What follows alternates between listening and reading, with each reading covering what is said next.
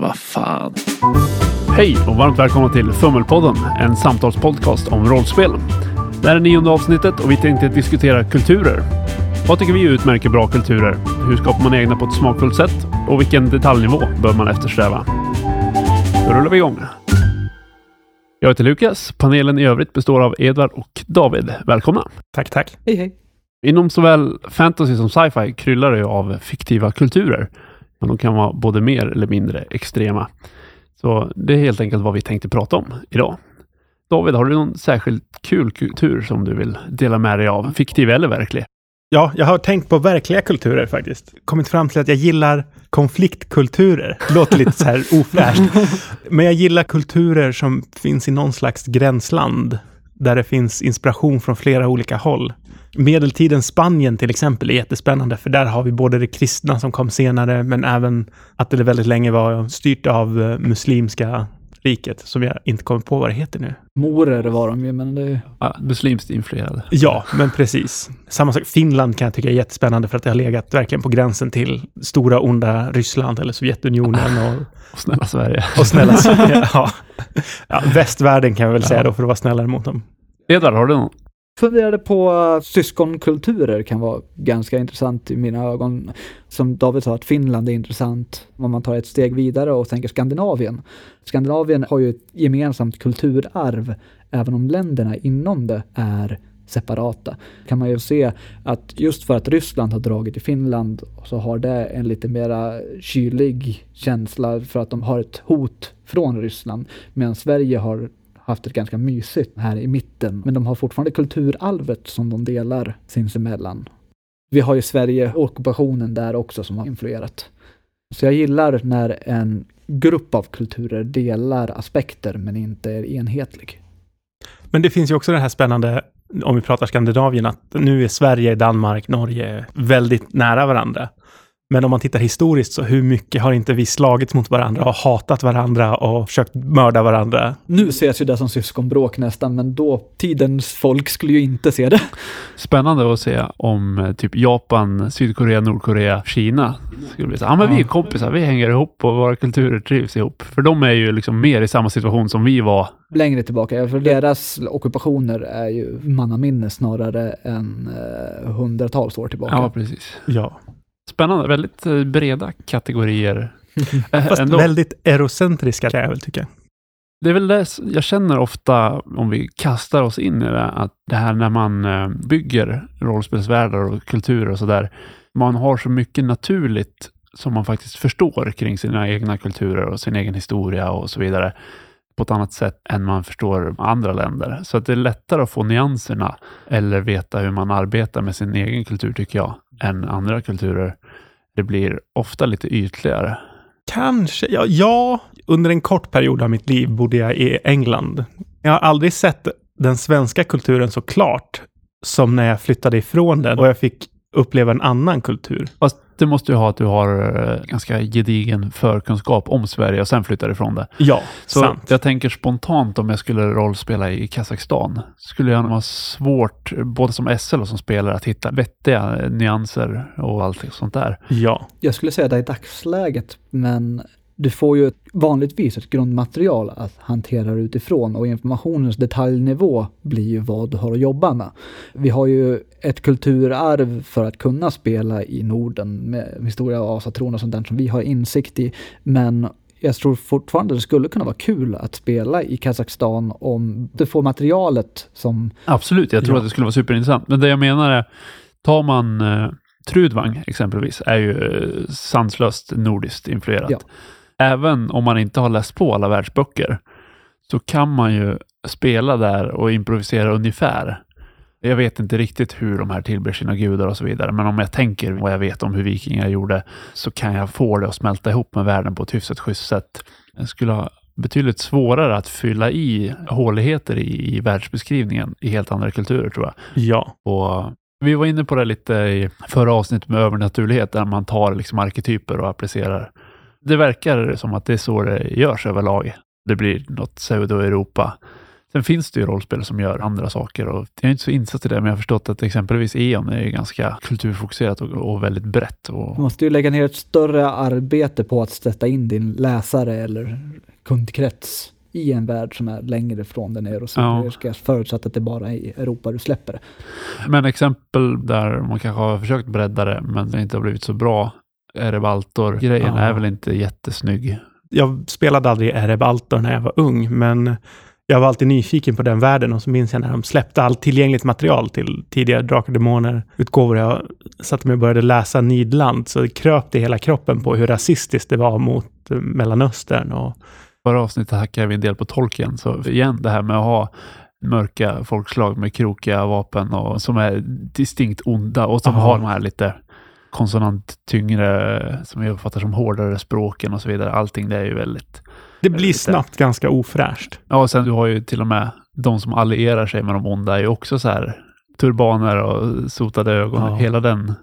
Det, det är så lätt att ta arketyper för att förmedla vissa känslor. Därmed tycker inte jag att nidbilder som är fabricerade Nidbilder, Nidland.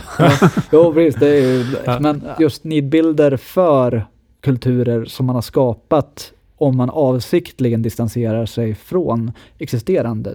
Att skapa sina egna helt fabricerade nidbilder så att kulturerna har rasism sinsemellan tycker jag inte är ett problem. Det låter som en repig skiva vid det här laget, men det här med realismen och inlevelsen med tanke på hur mycket rasism som finns i vår värld, om det inte finns någon rasism inbyggd i kulturerna i fantasyvärlden, så är det ju på många sätt en orealistisk, Orealistisk värld från mitt perspektiv. Jag, med. jag tycker att rasism i en rollspelsvärld är okej att ha med. Men jag tycker det blir ganska så otrevligt när våran världs rasism ger sig uttrycket i spelvärlden. Exakt. Exempel som vi hade i en egenskapad värld. Din karaktär blev ganska rasistisk, David. Ja, Men det var ju kanske inte nödvändigtvis en eurocentrisk rasism. Han började hacka på en karaktär som kom från en demokratisk och vetenskapligt inriktad kultur, som att han var en jävla nörd. Så- han kom ju från en lite mer nordisk inspirerad kultur, så att det var inte liksom... Ja, men på sätt och vis tycker jag att det funkade bättre i det här fallet. Ja, sen så blev jag ganska så snabbt väldigt obekväm med den karaktären och ångrade ganska snabbt att jag valde att ta den vägen att spela. För jag, jag var inte bekväm med att spela det. Men det är också skillnad på att ha saker i en värld eller i en kultur eller att spela på det hela tiden. Jag tycker exempelvis, det är klart att det förekommer våldtäkt i rollspelsvärldar också. Jag vill inte sitta och rollspela en våldtäktsman. Vi hade den diskussionen för ganska många år sedan nu när vi höll på att skapa den spelvärld angående både slaveri och kvinnoförtryck, du och jag Lukas, Ja. att vad man vill gestalta i sin spelvärld också. Ett medeltida samhälle till regel har en högre halt av kvinnoförtryck. Det finns ju undantag. Ja, och att det kommer till Norden, det var väl lite mer uppluckrat. Och även Japan tror jag innan kinesiska inflytandet var också betydligt mer jämställt. Det var i och för sig tidigare än medeltid kanske, men ändå. Det känns väldigt naturligt med kvinnoförtryck, men på Mm. många sätt så är det kristendomen och eh, islam och Jag skulle säga att det kommer att ske i vissa kulturer men inte andra. ja. det jag diskuterade tidigare, att helt utesluta obekväma ämnen kan få det att kännas orealistiskt. Sen Ja, behöver man inte glorifiera det. Man kan ju väldigt gärna då skapa en nidbild i andra riktningen. Ett mera liberalt och jämställt samhälle kan få en väldigt negativ nidbild om ett samhälle som just förtrycker halva populationen. Verkligen, men något som eh, jag börjar tänka på mer på sistone är ju, även om det är rimligt och även om vår värld talar för att det är ofta så det utvecklas, så särskilt när man skapar en värld som är eh, inriktad på att folk ska rollspela i, hur rimligt den är med kvinnoförtryck, så Jag vill bara säga, jag tycker inte alls att det är rimligt med kvinnoförtryck. det är på inget sätt försvar av kvinnoförtryck, utan Nej. det är rimligt att det uppkommer, kan vi ju se i våran värld, eftersom det har uppkommit på så många Ja. ställen, jag tror oberoende av varandra. Jag vet inte, det här är liksom inget ämne som jag är inläst på. Så det är ju Men- en balans med starkes rätt i någon mån. Liksom. Ja. Ja. Oavsett hur mycket man är befogad då. Vi Ja. skippar hela idén om att det ska vara rimligt. Jag köper att det låter ofräscht när man säger det. Hur mycket man än befogar kvinnoförtryck eller förtryck av vad som helst i världen. Om ambitionen är att det ska gå att rollspela i det, då har du ju indirekt tryckt in spelare i fack eventuellt. Att om du spelar en karaktär som du ska identifiera med som ska påminna om dig själv. Om du är kvinna och spelar det, då kommer du alltid bli utsatt för sexism. Som din rollspelskaraktär i spelet. Och om du är som man och ska spela kvinna, då är det bara den upplevelsen du får av att spela kvinna och så vidare. Det är så enkelt att försöka bygga runt det på något sätt så att du kan spela alla olika typer av yrken och få motsvarande upplevelser oavsett eh, kön eller hudfärg eller tillhörighet på andra sätt. Så jag ska inte säga att liksom- man har ansvar, men jag ska säga att det är fräscht ändå att försöka öppna upp så många möjligheter för så många olika människor som möjligt att få ta del av de möjligheterna i rollspel. Ja, för det är ju skönt att få spela ett eskapistiskt spel och slippa hantera såna här tråkiga vardagsämnen som förtryck. Om man nu tillhör en minoritet. Men- eller- men- eller Ja, det är just det där vilka förtryck någon kan relatera till. Om du har hat mellan kulturer. Det kommer ju troligtvis finnas någon som har en obekväm historia bakåt som kan relatera även till de situationerna. Liksom jag kan ju förstå att könsrollerna blir mera extrema då det är halva befolkningen som... Ja. Sen så är det väl också så här, det är ändå så vi tre medelklass-Svenssons som sitter här. Jag kan inte påstå att jag har upplevt förtryck för någonting som jag är. Jag har inte blivit diskriminerad för min sexualitet eller min hudfärg eller min könstillhörighet. Så det är svårt för mig att sätta mig in i och faktiskt säga, ja men så här är det nog att uppleva det, för jag har aldrig upplevt det på det sättet. Nej, sjukt eh, heterogen panel i det Mm. avseendet. Är homogen, menar jag. det är klart att man behöver intryck från andra och man behöver få feedback på eh, kreationer, tycker jag är Mm. rimligt, eftersom man är så begränsad i sitt eget perspektiv. Ja, Det som jag ville komma fram till är att eh, man borde ha en medvetenhet om det och man borde eftersträva att det ska vara så inkluderande som möjligt. ja, Sen tycker jag det kan vara intressant att skapa rollspel som bygger på förtryck, så att du får sätta dig in i förtryck och så vidare. Det kan vara jättespännande. Jo, men jag, jag håller med och, och, och det är väl en chans för oss att uppleva det också, vi som inte får det. Det är ju inte samma upplevelse. Nej, nej, nej, men jag håller med. Det är inte alls samma upplevelse och vi kan alltid kliva ur och säga nej, men det här var inget roligt att spela, så nu byter vi. Det går inte i verkligheten. Det är just, vi hade en diskussion för ganska många episoder sedan angående fysisk interaktion under rollspelssessioner och sånt där också. Just det där med gränsdragningar, vad folk är bekväma med och sånt där. Man kan ju väcka insikt i spelgruppen sinsemellan, alltså vad folk är obekväma med och sånt där. Och Ja. liksom, Ja, jag tänkte mer ur ett världsskapande perspektiv nu bara, att man bygger in en medvetenhet ja, från början, eller man har den med sig. Jag skulle, jag skulle nog ur min synvinkel föredra att få bredden i spelvärlden och att spelgruppen sedan väljer vilka aspekter man vill ta med där man spelar för att ge en större valmöjlighet av vad man vill utforska. Det var också Ja. den där diskussionen Mm. vi hade angående hur mycket man vill karaktärisera sitt rollspel. Jag förstår att det inte är så du menar, men jag tycker fortfarande inte att man kan säga jag har skapat en värld med massa sunkiga stereotyper och så får ni välja själva om ni spelar. eller, så, eller liksom, Nej, men jag håller med också. Det är tråkigt om man, ja men här har vi medeltids-Sverige och här har vi medeltids-Tyskland och här har vi medeltids-Kina och så gör vi bara stereotyper av de här olika länderna och så kallar vi det en fantasyvärld. Det blir snabbt ganska ofräscht och otråkigt framför allt. Det handlar ofta om att inspireras och ge en nyanserad och intressant bild av de kulturerna man inspireras av. Ja, verkligen. Jag hamnade i lite huvudbry för ett par veckor sedan när jag funderade på det här med kulturskapande. Det kändes som att det är svårt att inspireras av andra kulturer utan att det blir jättestereotypt. Och det finns många fallgropar där, där resultatet blir ofräscht, även om man bara haft eh, intentioner att bli lite inspirerad och skapa någonting som är tydligt för folk att rollspela i. Och efter lite diskussioner, bland annat med dig David och på forum och sådär, så, så lösningen är ju egentligen att man, dels blandar man mer inspiration så att det inte blir helt tydligt eh, att det här är motsvarighet till det här i våran värld. Och nästa grej är kanske hellre hålla sig på den eh, schyssta sidan. Jag håller med. Och sen så är det väl också så här, om jag tycker Japan är jättehäftigt, jag gillar Japan jättemycket, nu ska jag göra en fantasy-Japan. Och så gör man det till den mest awesome kulturen någonsin och allting är fantastiskt med den här kulturen som är inspirerad av Japan. Det blir ju fel också, för alla kulturer har ju någon form av problematik i sig. Verkligen. Det var någon föreläsning jag såg om det som jag tyckte var intressant. Det här med skriva litteratur om den andra, alltså folk som inte är som en själv. Första stadiet, då är det ofta ganska stereotypt och ofräscht. Men sen mellanstadier är ofta att man, som du är inne på, man hypar upp någonting. Jag ska minsann inte vara sexistisk, så det här är den bästa kvinnliga karaktären som finns och hon är bäst på allt. Ja, Målbilden måste ju vara att ge nyanserade, mångsidiga, djupa beskrivningar oavsett om det är karaktärer eller kulturer eller någonting som inte bara är stereotypt eller överdrivet åt något håll. Utan, ah, det finns nyans i det helt enkelt. Ja. Om man tänker metodik för skapande. På sistone i alla fall har jag hittat på en liten metod för att få detaljer för en kultur utan att nödvändigtvis börja på bredden. Man ger någon form av sed till en grupp. Tjurfäktning i Spanien är ju någonting som ses som väldigt udda av många andra kulturer. Udda är ett ganska snällt och Ja, milt uttryck. brutalt. Ja. det- Ja, men tänker- moderna kulturer i alla fall. Men då kan man ju också liksom se det som en kvarleva av vad som var accepterade gladiatorspel. Det är ju en form av gladiatoriell underhållning.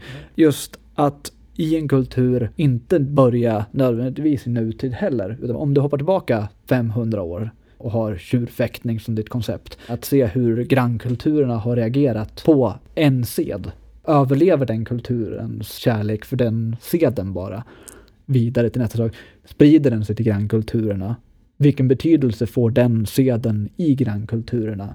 Är det någonting som har förändrats över tid till att vara mera skonsamt? För i dagsläget, gladiatorspel är ju MMA fighting eller liknande som också har olika betydelse i olika länder. Sverige så är ju prize fighting olagligt. Vi har ju MMA-galor i Sverige nu. Okej, men en gång i tiden så var det väl boxare fick inte boxa för, Nej, för precis. pengar i Sverige. Men så. nu finns det nu har, nu har det förändrats. Och då har ju där också en kulturell förändring i Sverige. Och det tycker jag kan vara intressant för att gladiatorspel och sånt där i dagsläget är ju inget som definierar kulturen, men de har fortfarande förhållningar till en sed som har funnits historiskt sett, hur dagslägets samhälle förhåller sig till dem, kan ge relationer mellan Mm. kulturer och samtidigt definiera kulturer. Jag hängde inte riktigt med. Menar du att du börjar i den änden? Ibland om jag känner att jag har writers block. Vi har den här kulturen, men vi har ju inte sagt så mycket om den. Den är så pass vag i dagsläget. Så jag vet inte var jag ska börja med den här kulturen för att göra den intressant. Om man ger bara en sed, den här, poff, den kommer finnas i den här kulturen. Det kanske blir dåligt om den finns i nutid, så om vi slänger tillbaka den 400 år, så får vi se om jag tycker fortfarande att den har realistiskt överlevt till nutid. Har den överlevt till nutid, då blir det ju en historisk relation inom kulturen till den. Då har du börjat på en liten nivå, väldigt specifikt. Och sen får du se om det växer och vart det växer. Men jag skulle spontant känna att jag behöver veta hur kulturen ser ut i övrigt för att kunna veta hur den hanterar utvecklingen av en sån sed. Jag börjar nog mer i änden med att definiera först och främst vilket geografiskt område befinner sig kulturen i. För det kommer definiera stora delar av hur den beter sig och utvecklas och vad den värderar och så vidare. Och sen ge sig in på vilka kärnvärden har kulturen. Har de haft någon tonsättande religion eller eh, filosof eller någonting som har satt prägen för det här är bra, det här är dåligt, så här gör man, så här gör man inte. För det tycker jag tenderar att lösa allt annat runt omkring. Mm.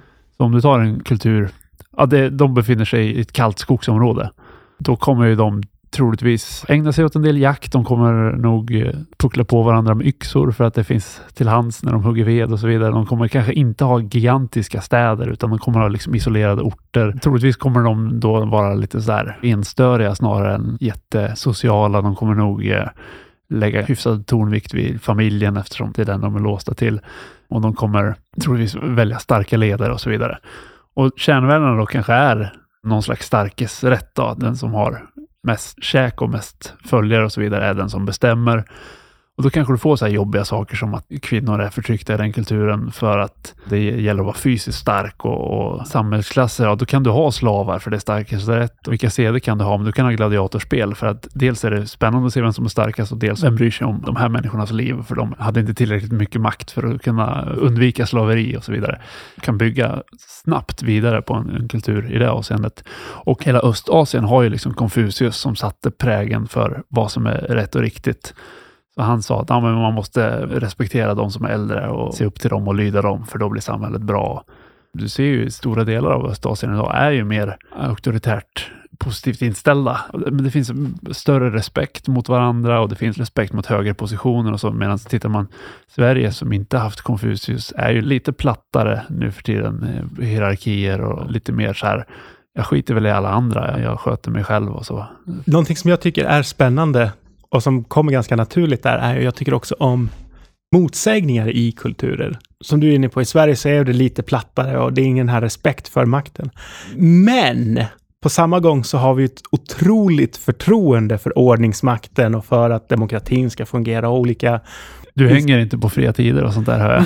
Nej, nej. Alltså, det här är ju som med alla kulturer en generalisering. Ja. Men generellt så har ju Sverige ett otroligt förtroende för olika instanser. Extra tydligt det här med att stå i kö.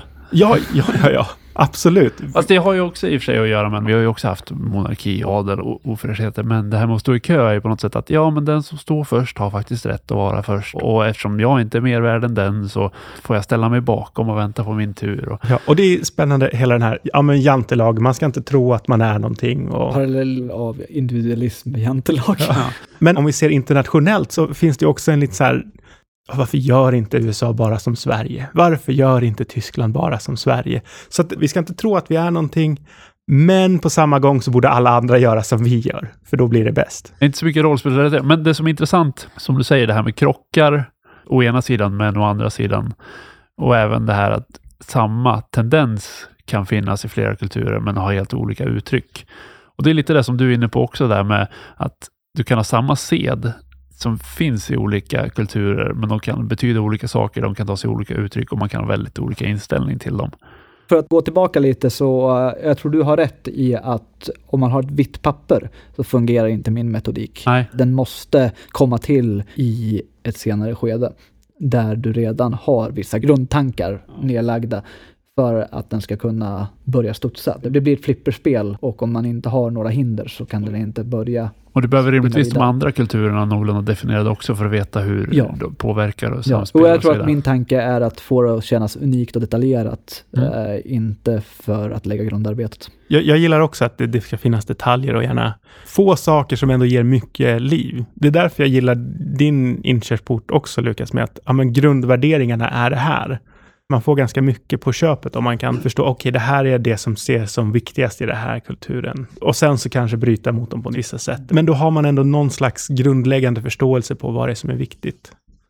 Ja, men det här min idé om kärnvärden och så vidare inom en kultur, de kan ju vara genomgående och tydliga för de flesta. Men det måste ju fortfarande finnas utrymme både för tendenser och seder som bryter mot dem och framförallt individer som bryter mot dem. Ja. Det är därför jag är lite anti alver och dvärgar. Alla alver är högfärdiga och naturnära och alla dvärgar är alkoholiserade skottar. Och, alltså, Jag håller med. Det är någonting jag tycker känns tråkigt att nu behandlar vi alver som en monokultur, att alla alver är likadan. Alla dvärgar är likadana. Alltså han, vad heter han, Adam Coble, som jag följer en hel del. ja, just det. Han är lite så här rollspelsskapare, YouTube. Ja, men precis. Eh, han har sagt någonting som jag tänker stjäla rakt av. Eh, för jag tycker att det är ganska bra sagt. Och det är när det gäller just här stereotyper runt kulturer och när man skapar en karaktär. Kan det vara intressant att tänka vilka stereotyper uppfyller min karaktär och vilka stereotyper bryter min karaktär emot? Då finns det en bas att bygga på. Okej, Och inser karaktären själv de detaljerna. För det blir ju en ganska stor värderingsfråga om karaktären frivilligt bryter ifrån eller om det är någonting som man har fått från sina föräldrar som är unikt. Nej, ofta i rollspel, eh, särskilt så här traditionellt rollspel, där spelar man ju verkligen inte de stereotypa medborgarna i ett samhälle heller. Utan du spelar någon form av konstig outsider som knappt har något hus och bara går och Murder mördar folk. hobos. Murder hobos. Det kan ju i och för sig vara ett spännande tankeexperiment, men att ha en hel kultur med murder hobos funkar ju inte. det är väl orcherna då helt enkelt. Sant. Ja, då är det även svårt att spela en ors, för man vet inte vad man har att förhålla sig till om alla är murder hobos. Det är då man vill så här, slå sig ner och bygga ett hus och Ja. skaffa en gård och börja ta hand om grisarna. Så jävla rebellisk Ja. ors. Men eh, ramverket för kulturen återspeglar ju sällan vad karaktärerna är. Men det kan vara schysst att få in de här kulturella detaljerna i karaktären ändå. För hur man än vänder och vrider på sig, så även om man förkastar allt som en kultur har gett den, så är man ändå formad av den. För Verkligen. Då är det det kulturella man förkastar och det är det som formar den på något sätt. Helt klart. Jag hackar ju lite på alver och dvärgar och så vidare. Jag är inte säker på att det är Tolkiens fel att det är så stereotypt. För att det är väl huvudsakligen eh, Legolas och Gimli och sen har du de här andra på dvärgfronten.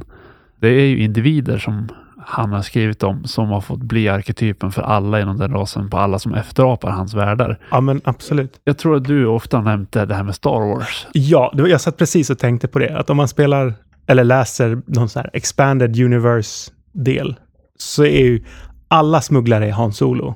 Alla jedi-riddare är Luke Skywalker. Ja, men alla är som en karaktär från filmerna. Trots att de var unika individer som var spännande och intressanta. Så när man ska bygga på på det så blir alla exakt kopior av dem, fast med andra namn och annan hårfärg. Men egentligen exakt samma karaktär. Apropå Star Wars, där tog de ju existerande språk i många fall till eh, icke-mänskliga raser och så höftade de där lite grann och körde på. Det var någon kultur som fick sitt språk. Liksom. Ja, men det här är det perfekta språket för den här eh, sliskiga, oärliga monstersnigen i rymden. Och nu får ert språk för alltid bli förknippat med den här karaktären. Det är det som är lite fräscht i Game of Thrones-serien. De eh, har ju liksom verkligen skapat Dothraki och valyriska utifrån fonetik och de har tagit fram egna ord och så vidare. Så det är ju, även om det kan låta liknande ibland, så har de skapat egna och då ju mer man skapar själv, desto mer kommer man ju undan det vi var inne på tidigare, det här med ofräscha Stereotyper ofräscha stereotyper och- eller ja, allt sånt där. Men har du tagit hela kulturidentiteten från en annan kultur och säger den här är kast, den är ondskefull. 300, det här med Ja. perserna liksom. Superofräscht. Och 300 är ju fantasy. Helt klart. Men- Helt klart. Ganska ofräsch machoism, Ja. fantasy på alla sätt och vis. Ja, men det är ett klockrent exempel på hur man inte borde göra. Men hade man satt det i en fantasyvärld och, konstruerat folkslagen helt och inte haft de här tydliga västvärlden mot eh, läskiga Mellanöstern-folket, då hade man kanske Alltså, kunnat komma undan åh. med det. Ingenting är ju fritt från kontext och de här kodningarna, mörkhyade är onda. Jo, men man, måste, man måste ändra på allt möjligt. Ja, där. okej, ja. Jag gör om Xerxes från en homosexuell stereotyp som är ganska ofräsch också. Ja. Jag har svårt att se ett sätt att rädda 300.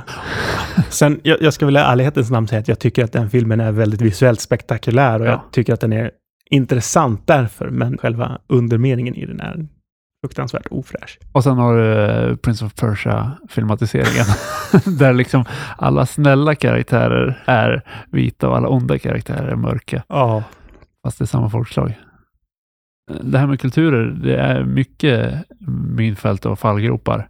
helt klart. Naivt tänker jag ändå att det går att komma runt det mesta genom sunt förnuft, goda intentioner och eh, Ett första steg är väl i alla fall att vara eftertänksam när man jobbar med det. Och sen så är det okej att göra fel, ja. så länge man inte menar att demonisera en hel folkgrupp.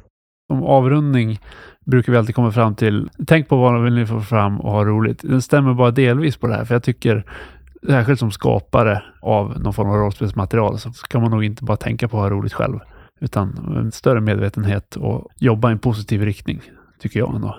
Ja, jag håller med. Då så, då avrundar vi med det. Tack Det så mycket. Tack så Tack mycket. och hej. Du har lyssnat på Fummelpodden som presenteras i samarbete med Studiefrämjandet. Du får gärna gilla vår Facebook-sida eller kanske följa oss på Instagram. Länkar finns i avsnittsbeskrivningen. Har du feedback eller tips på ämnen? Hör av dig via sociala medier eller skicka ett mejl till info@fummelpodden.se.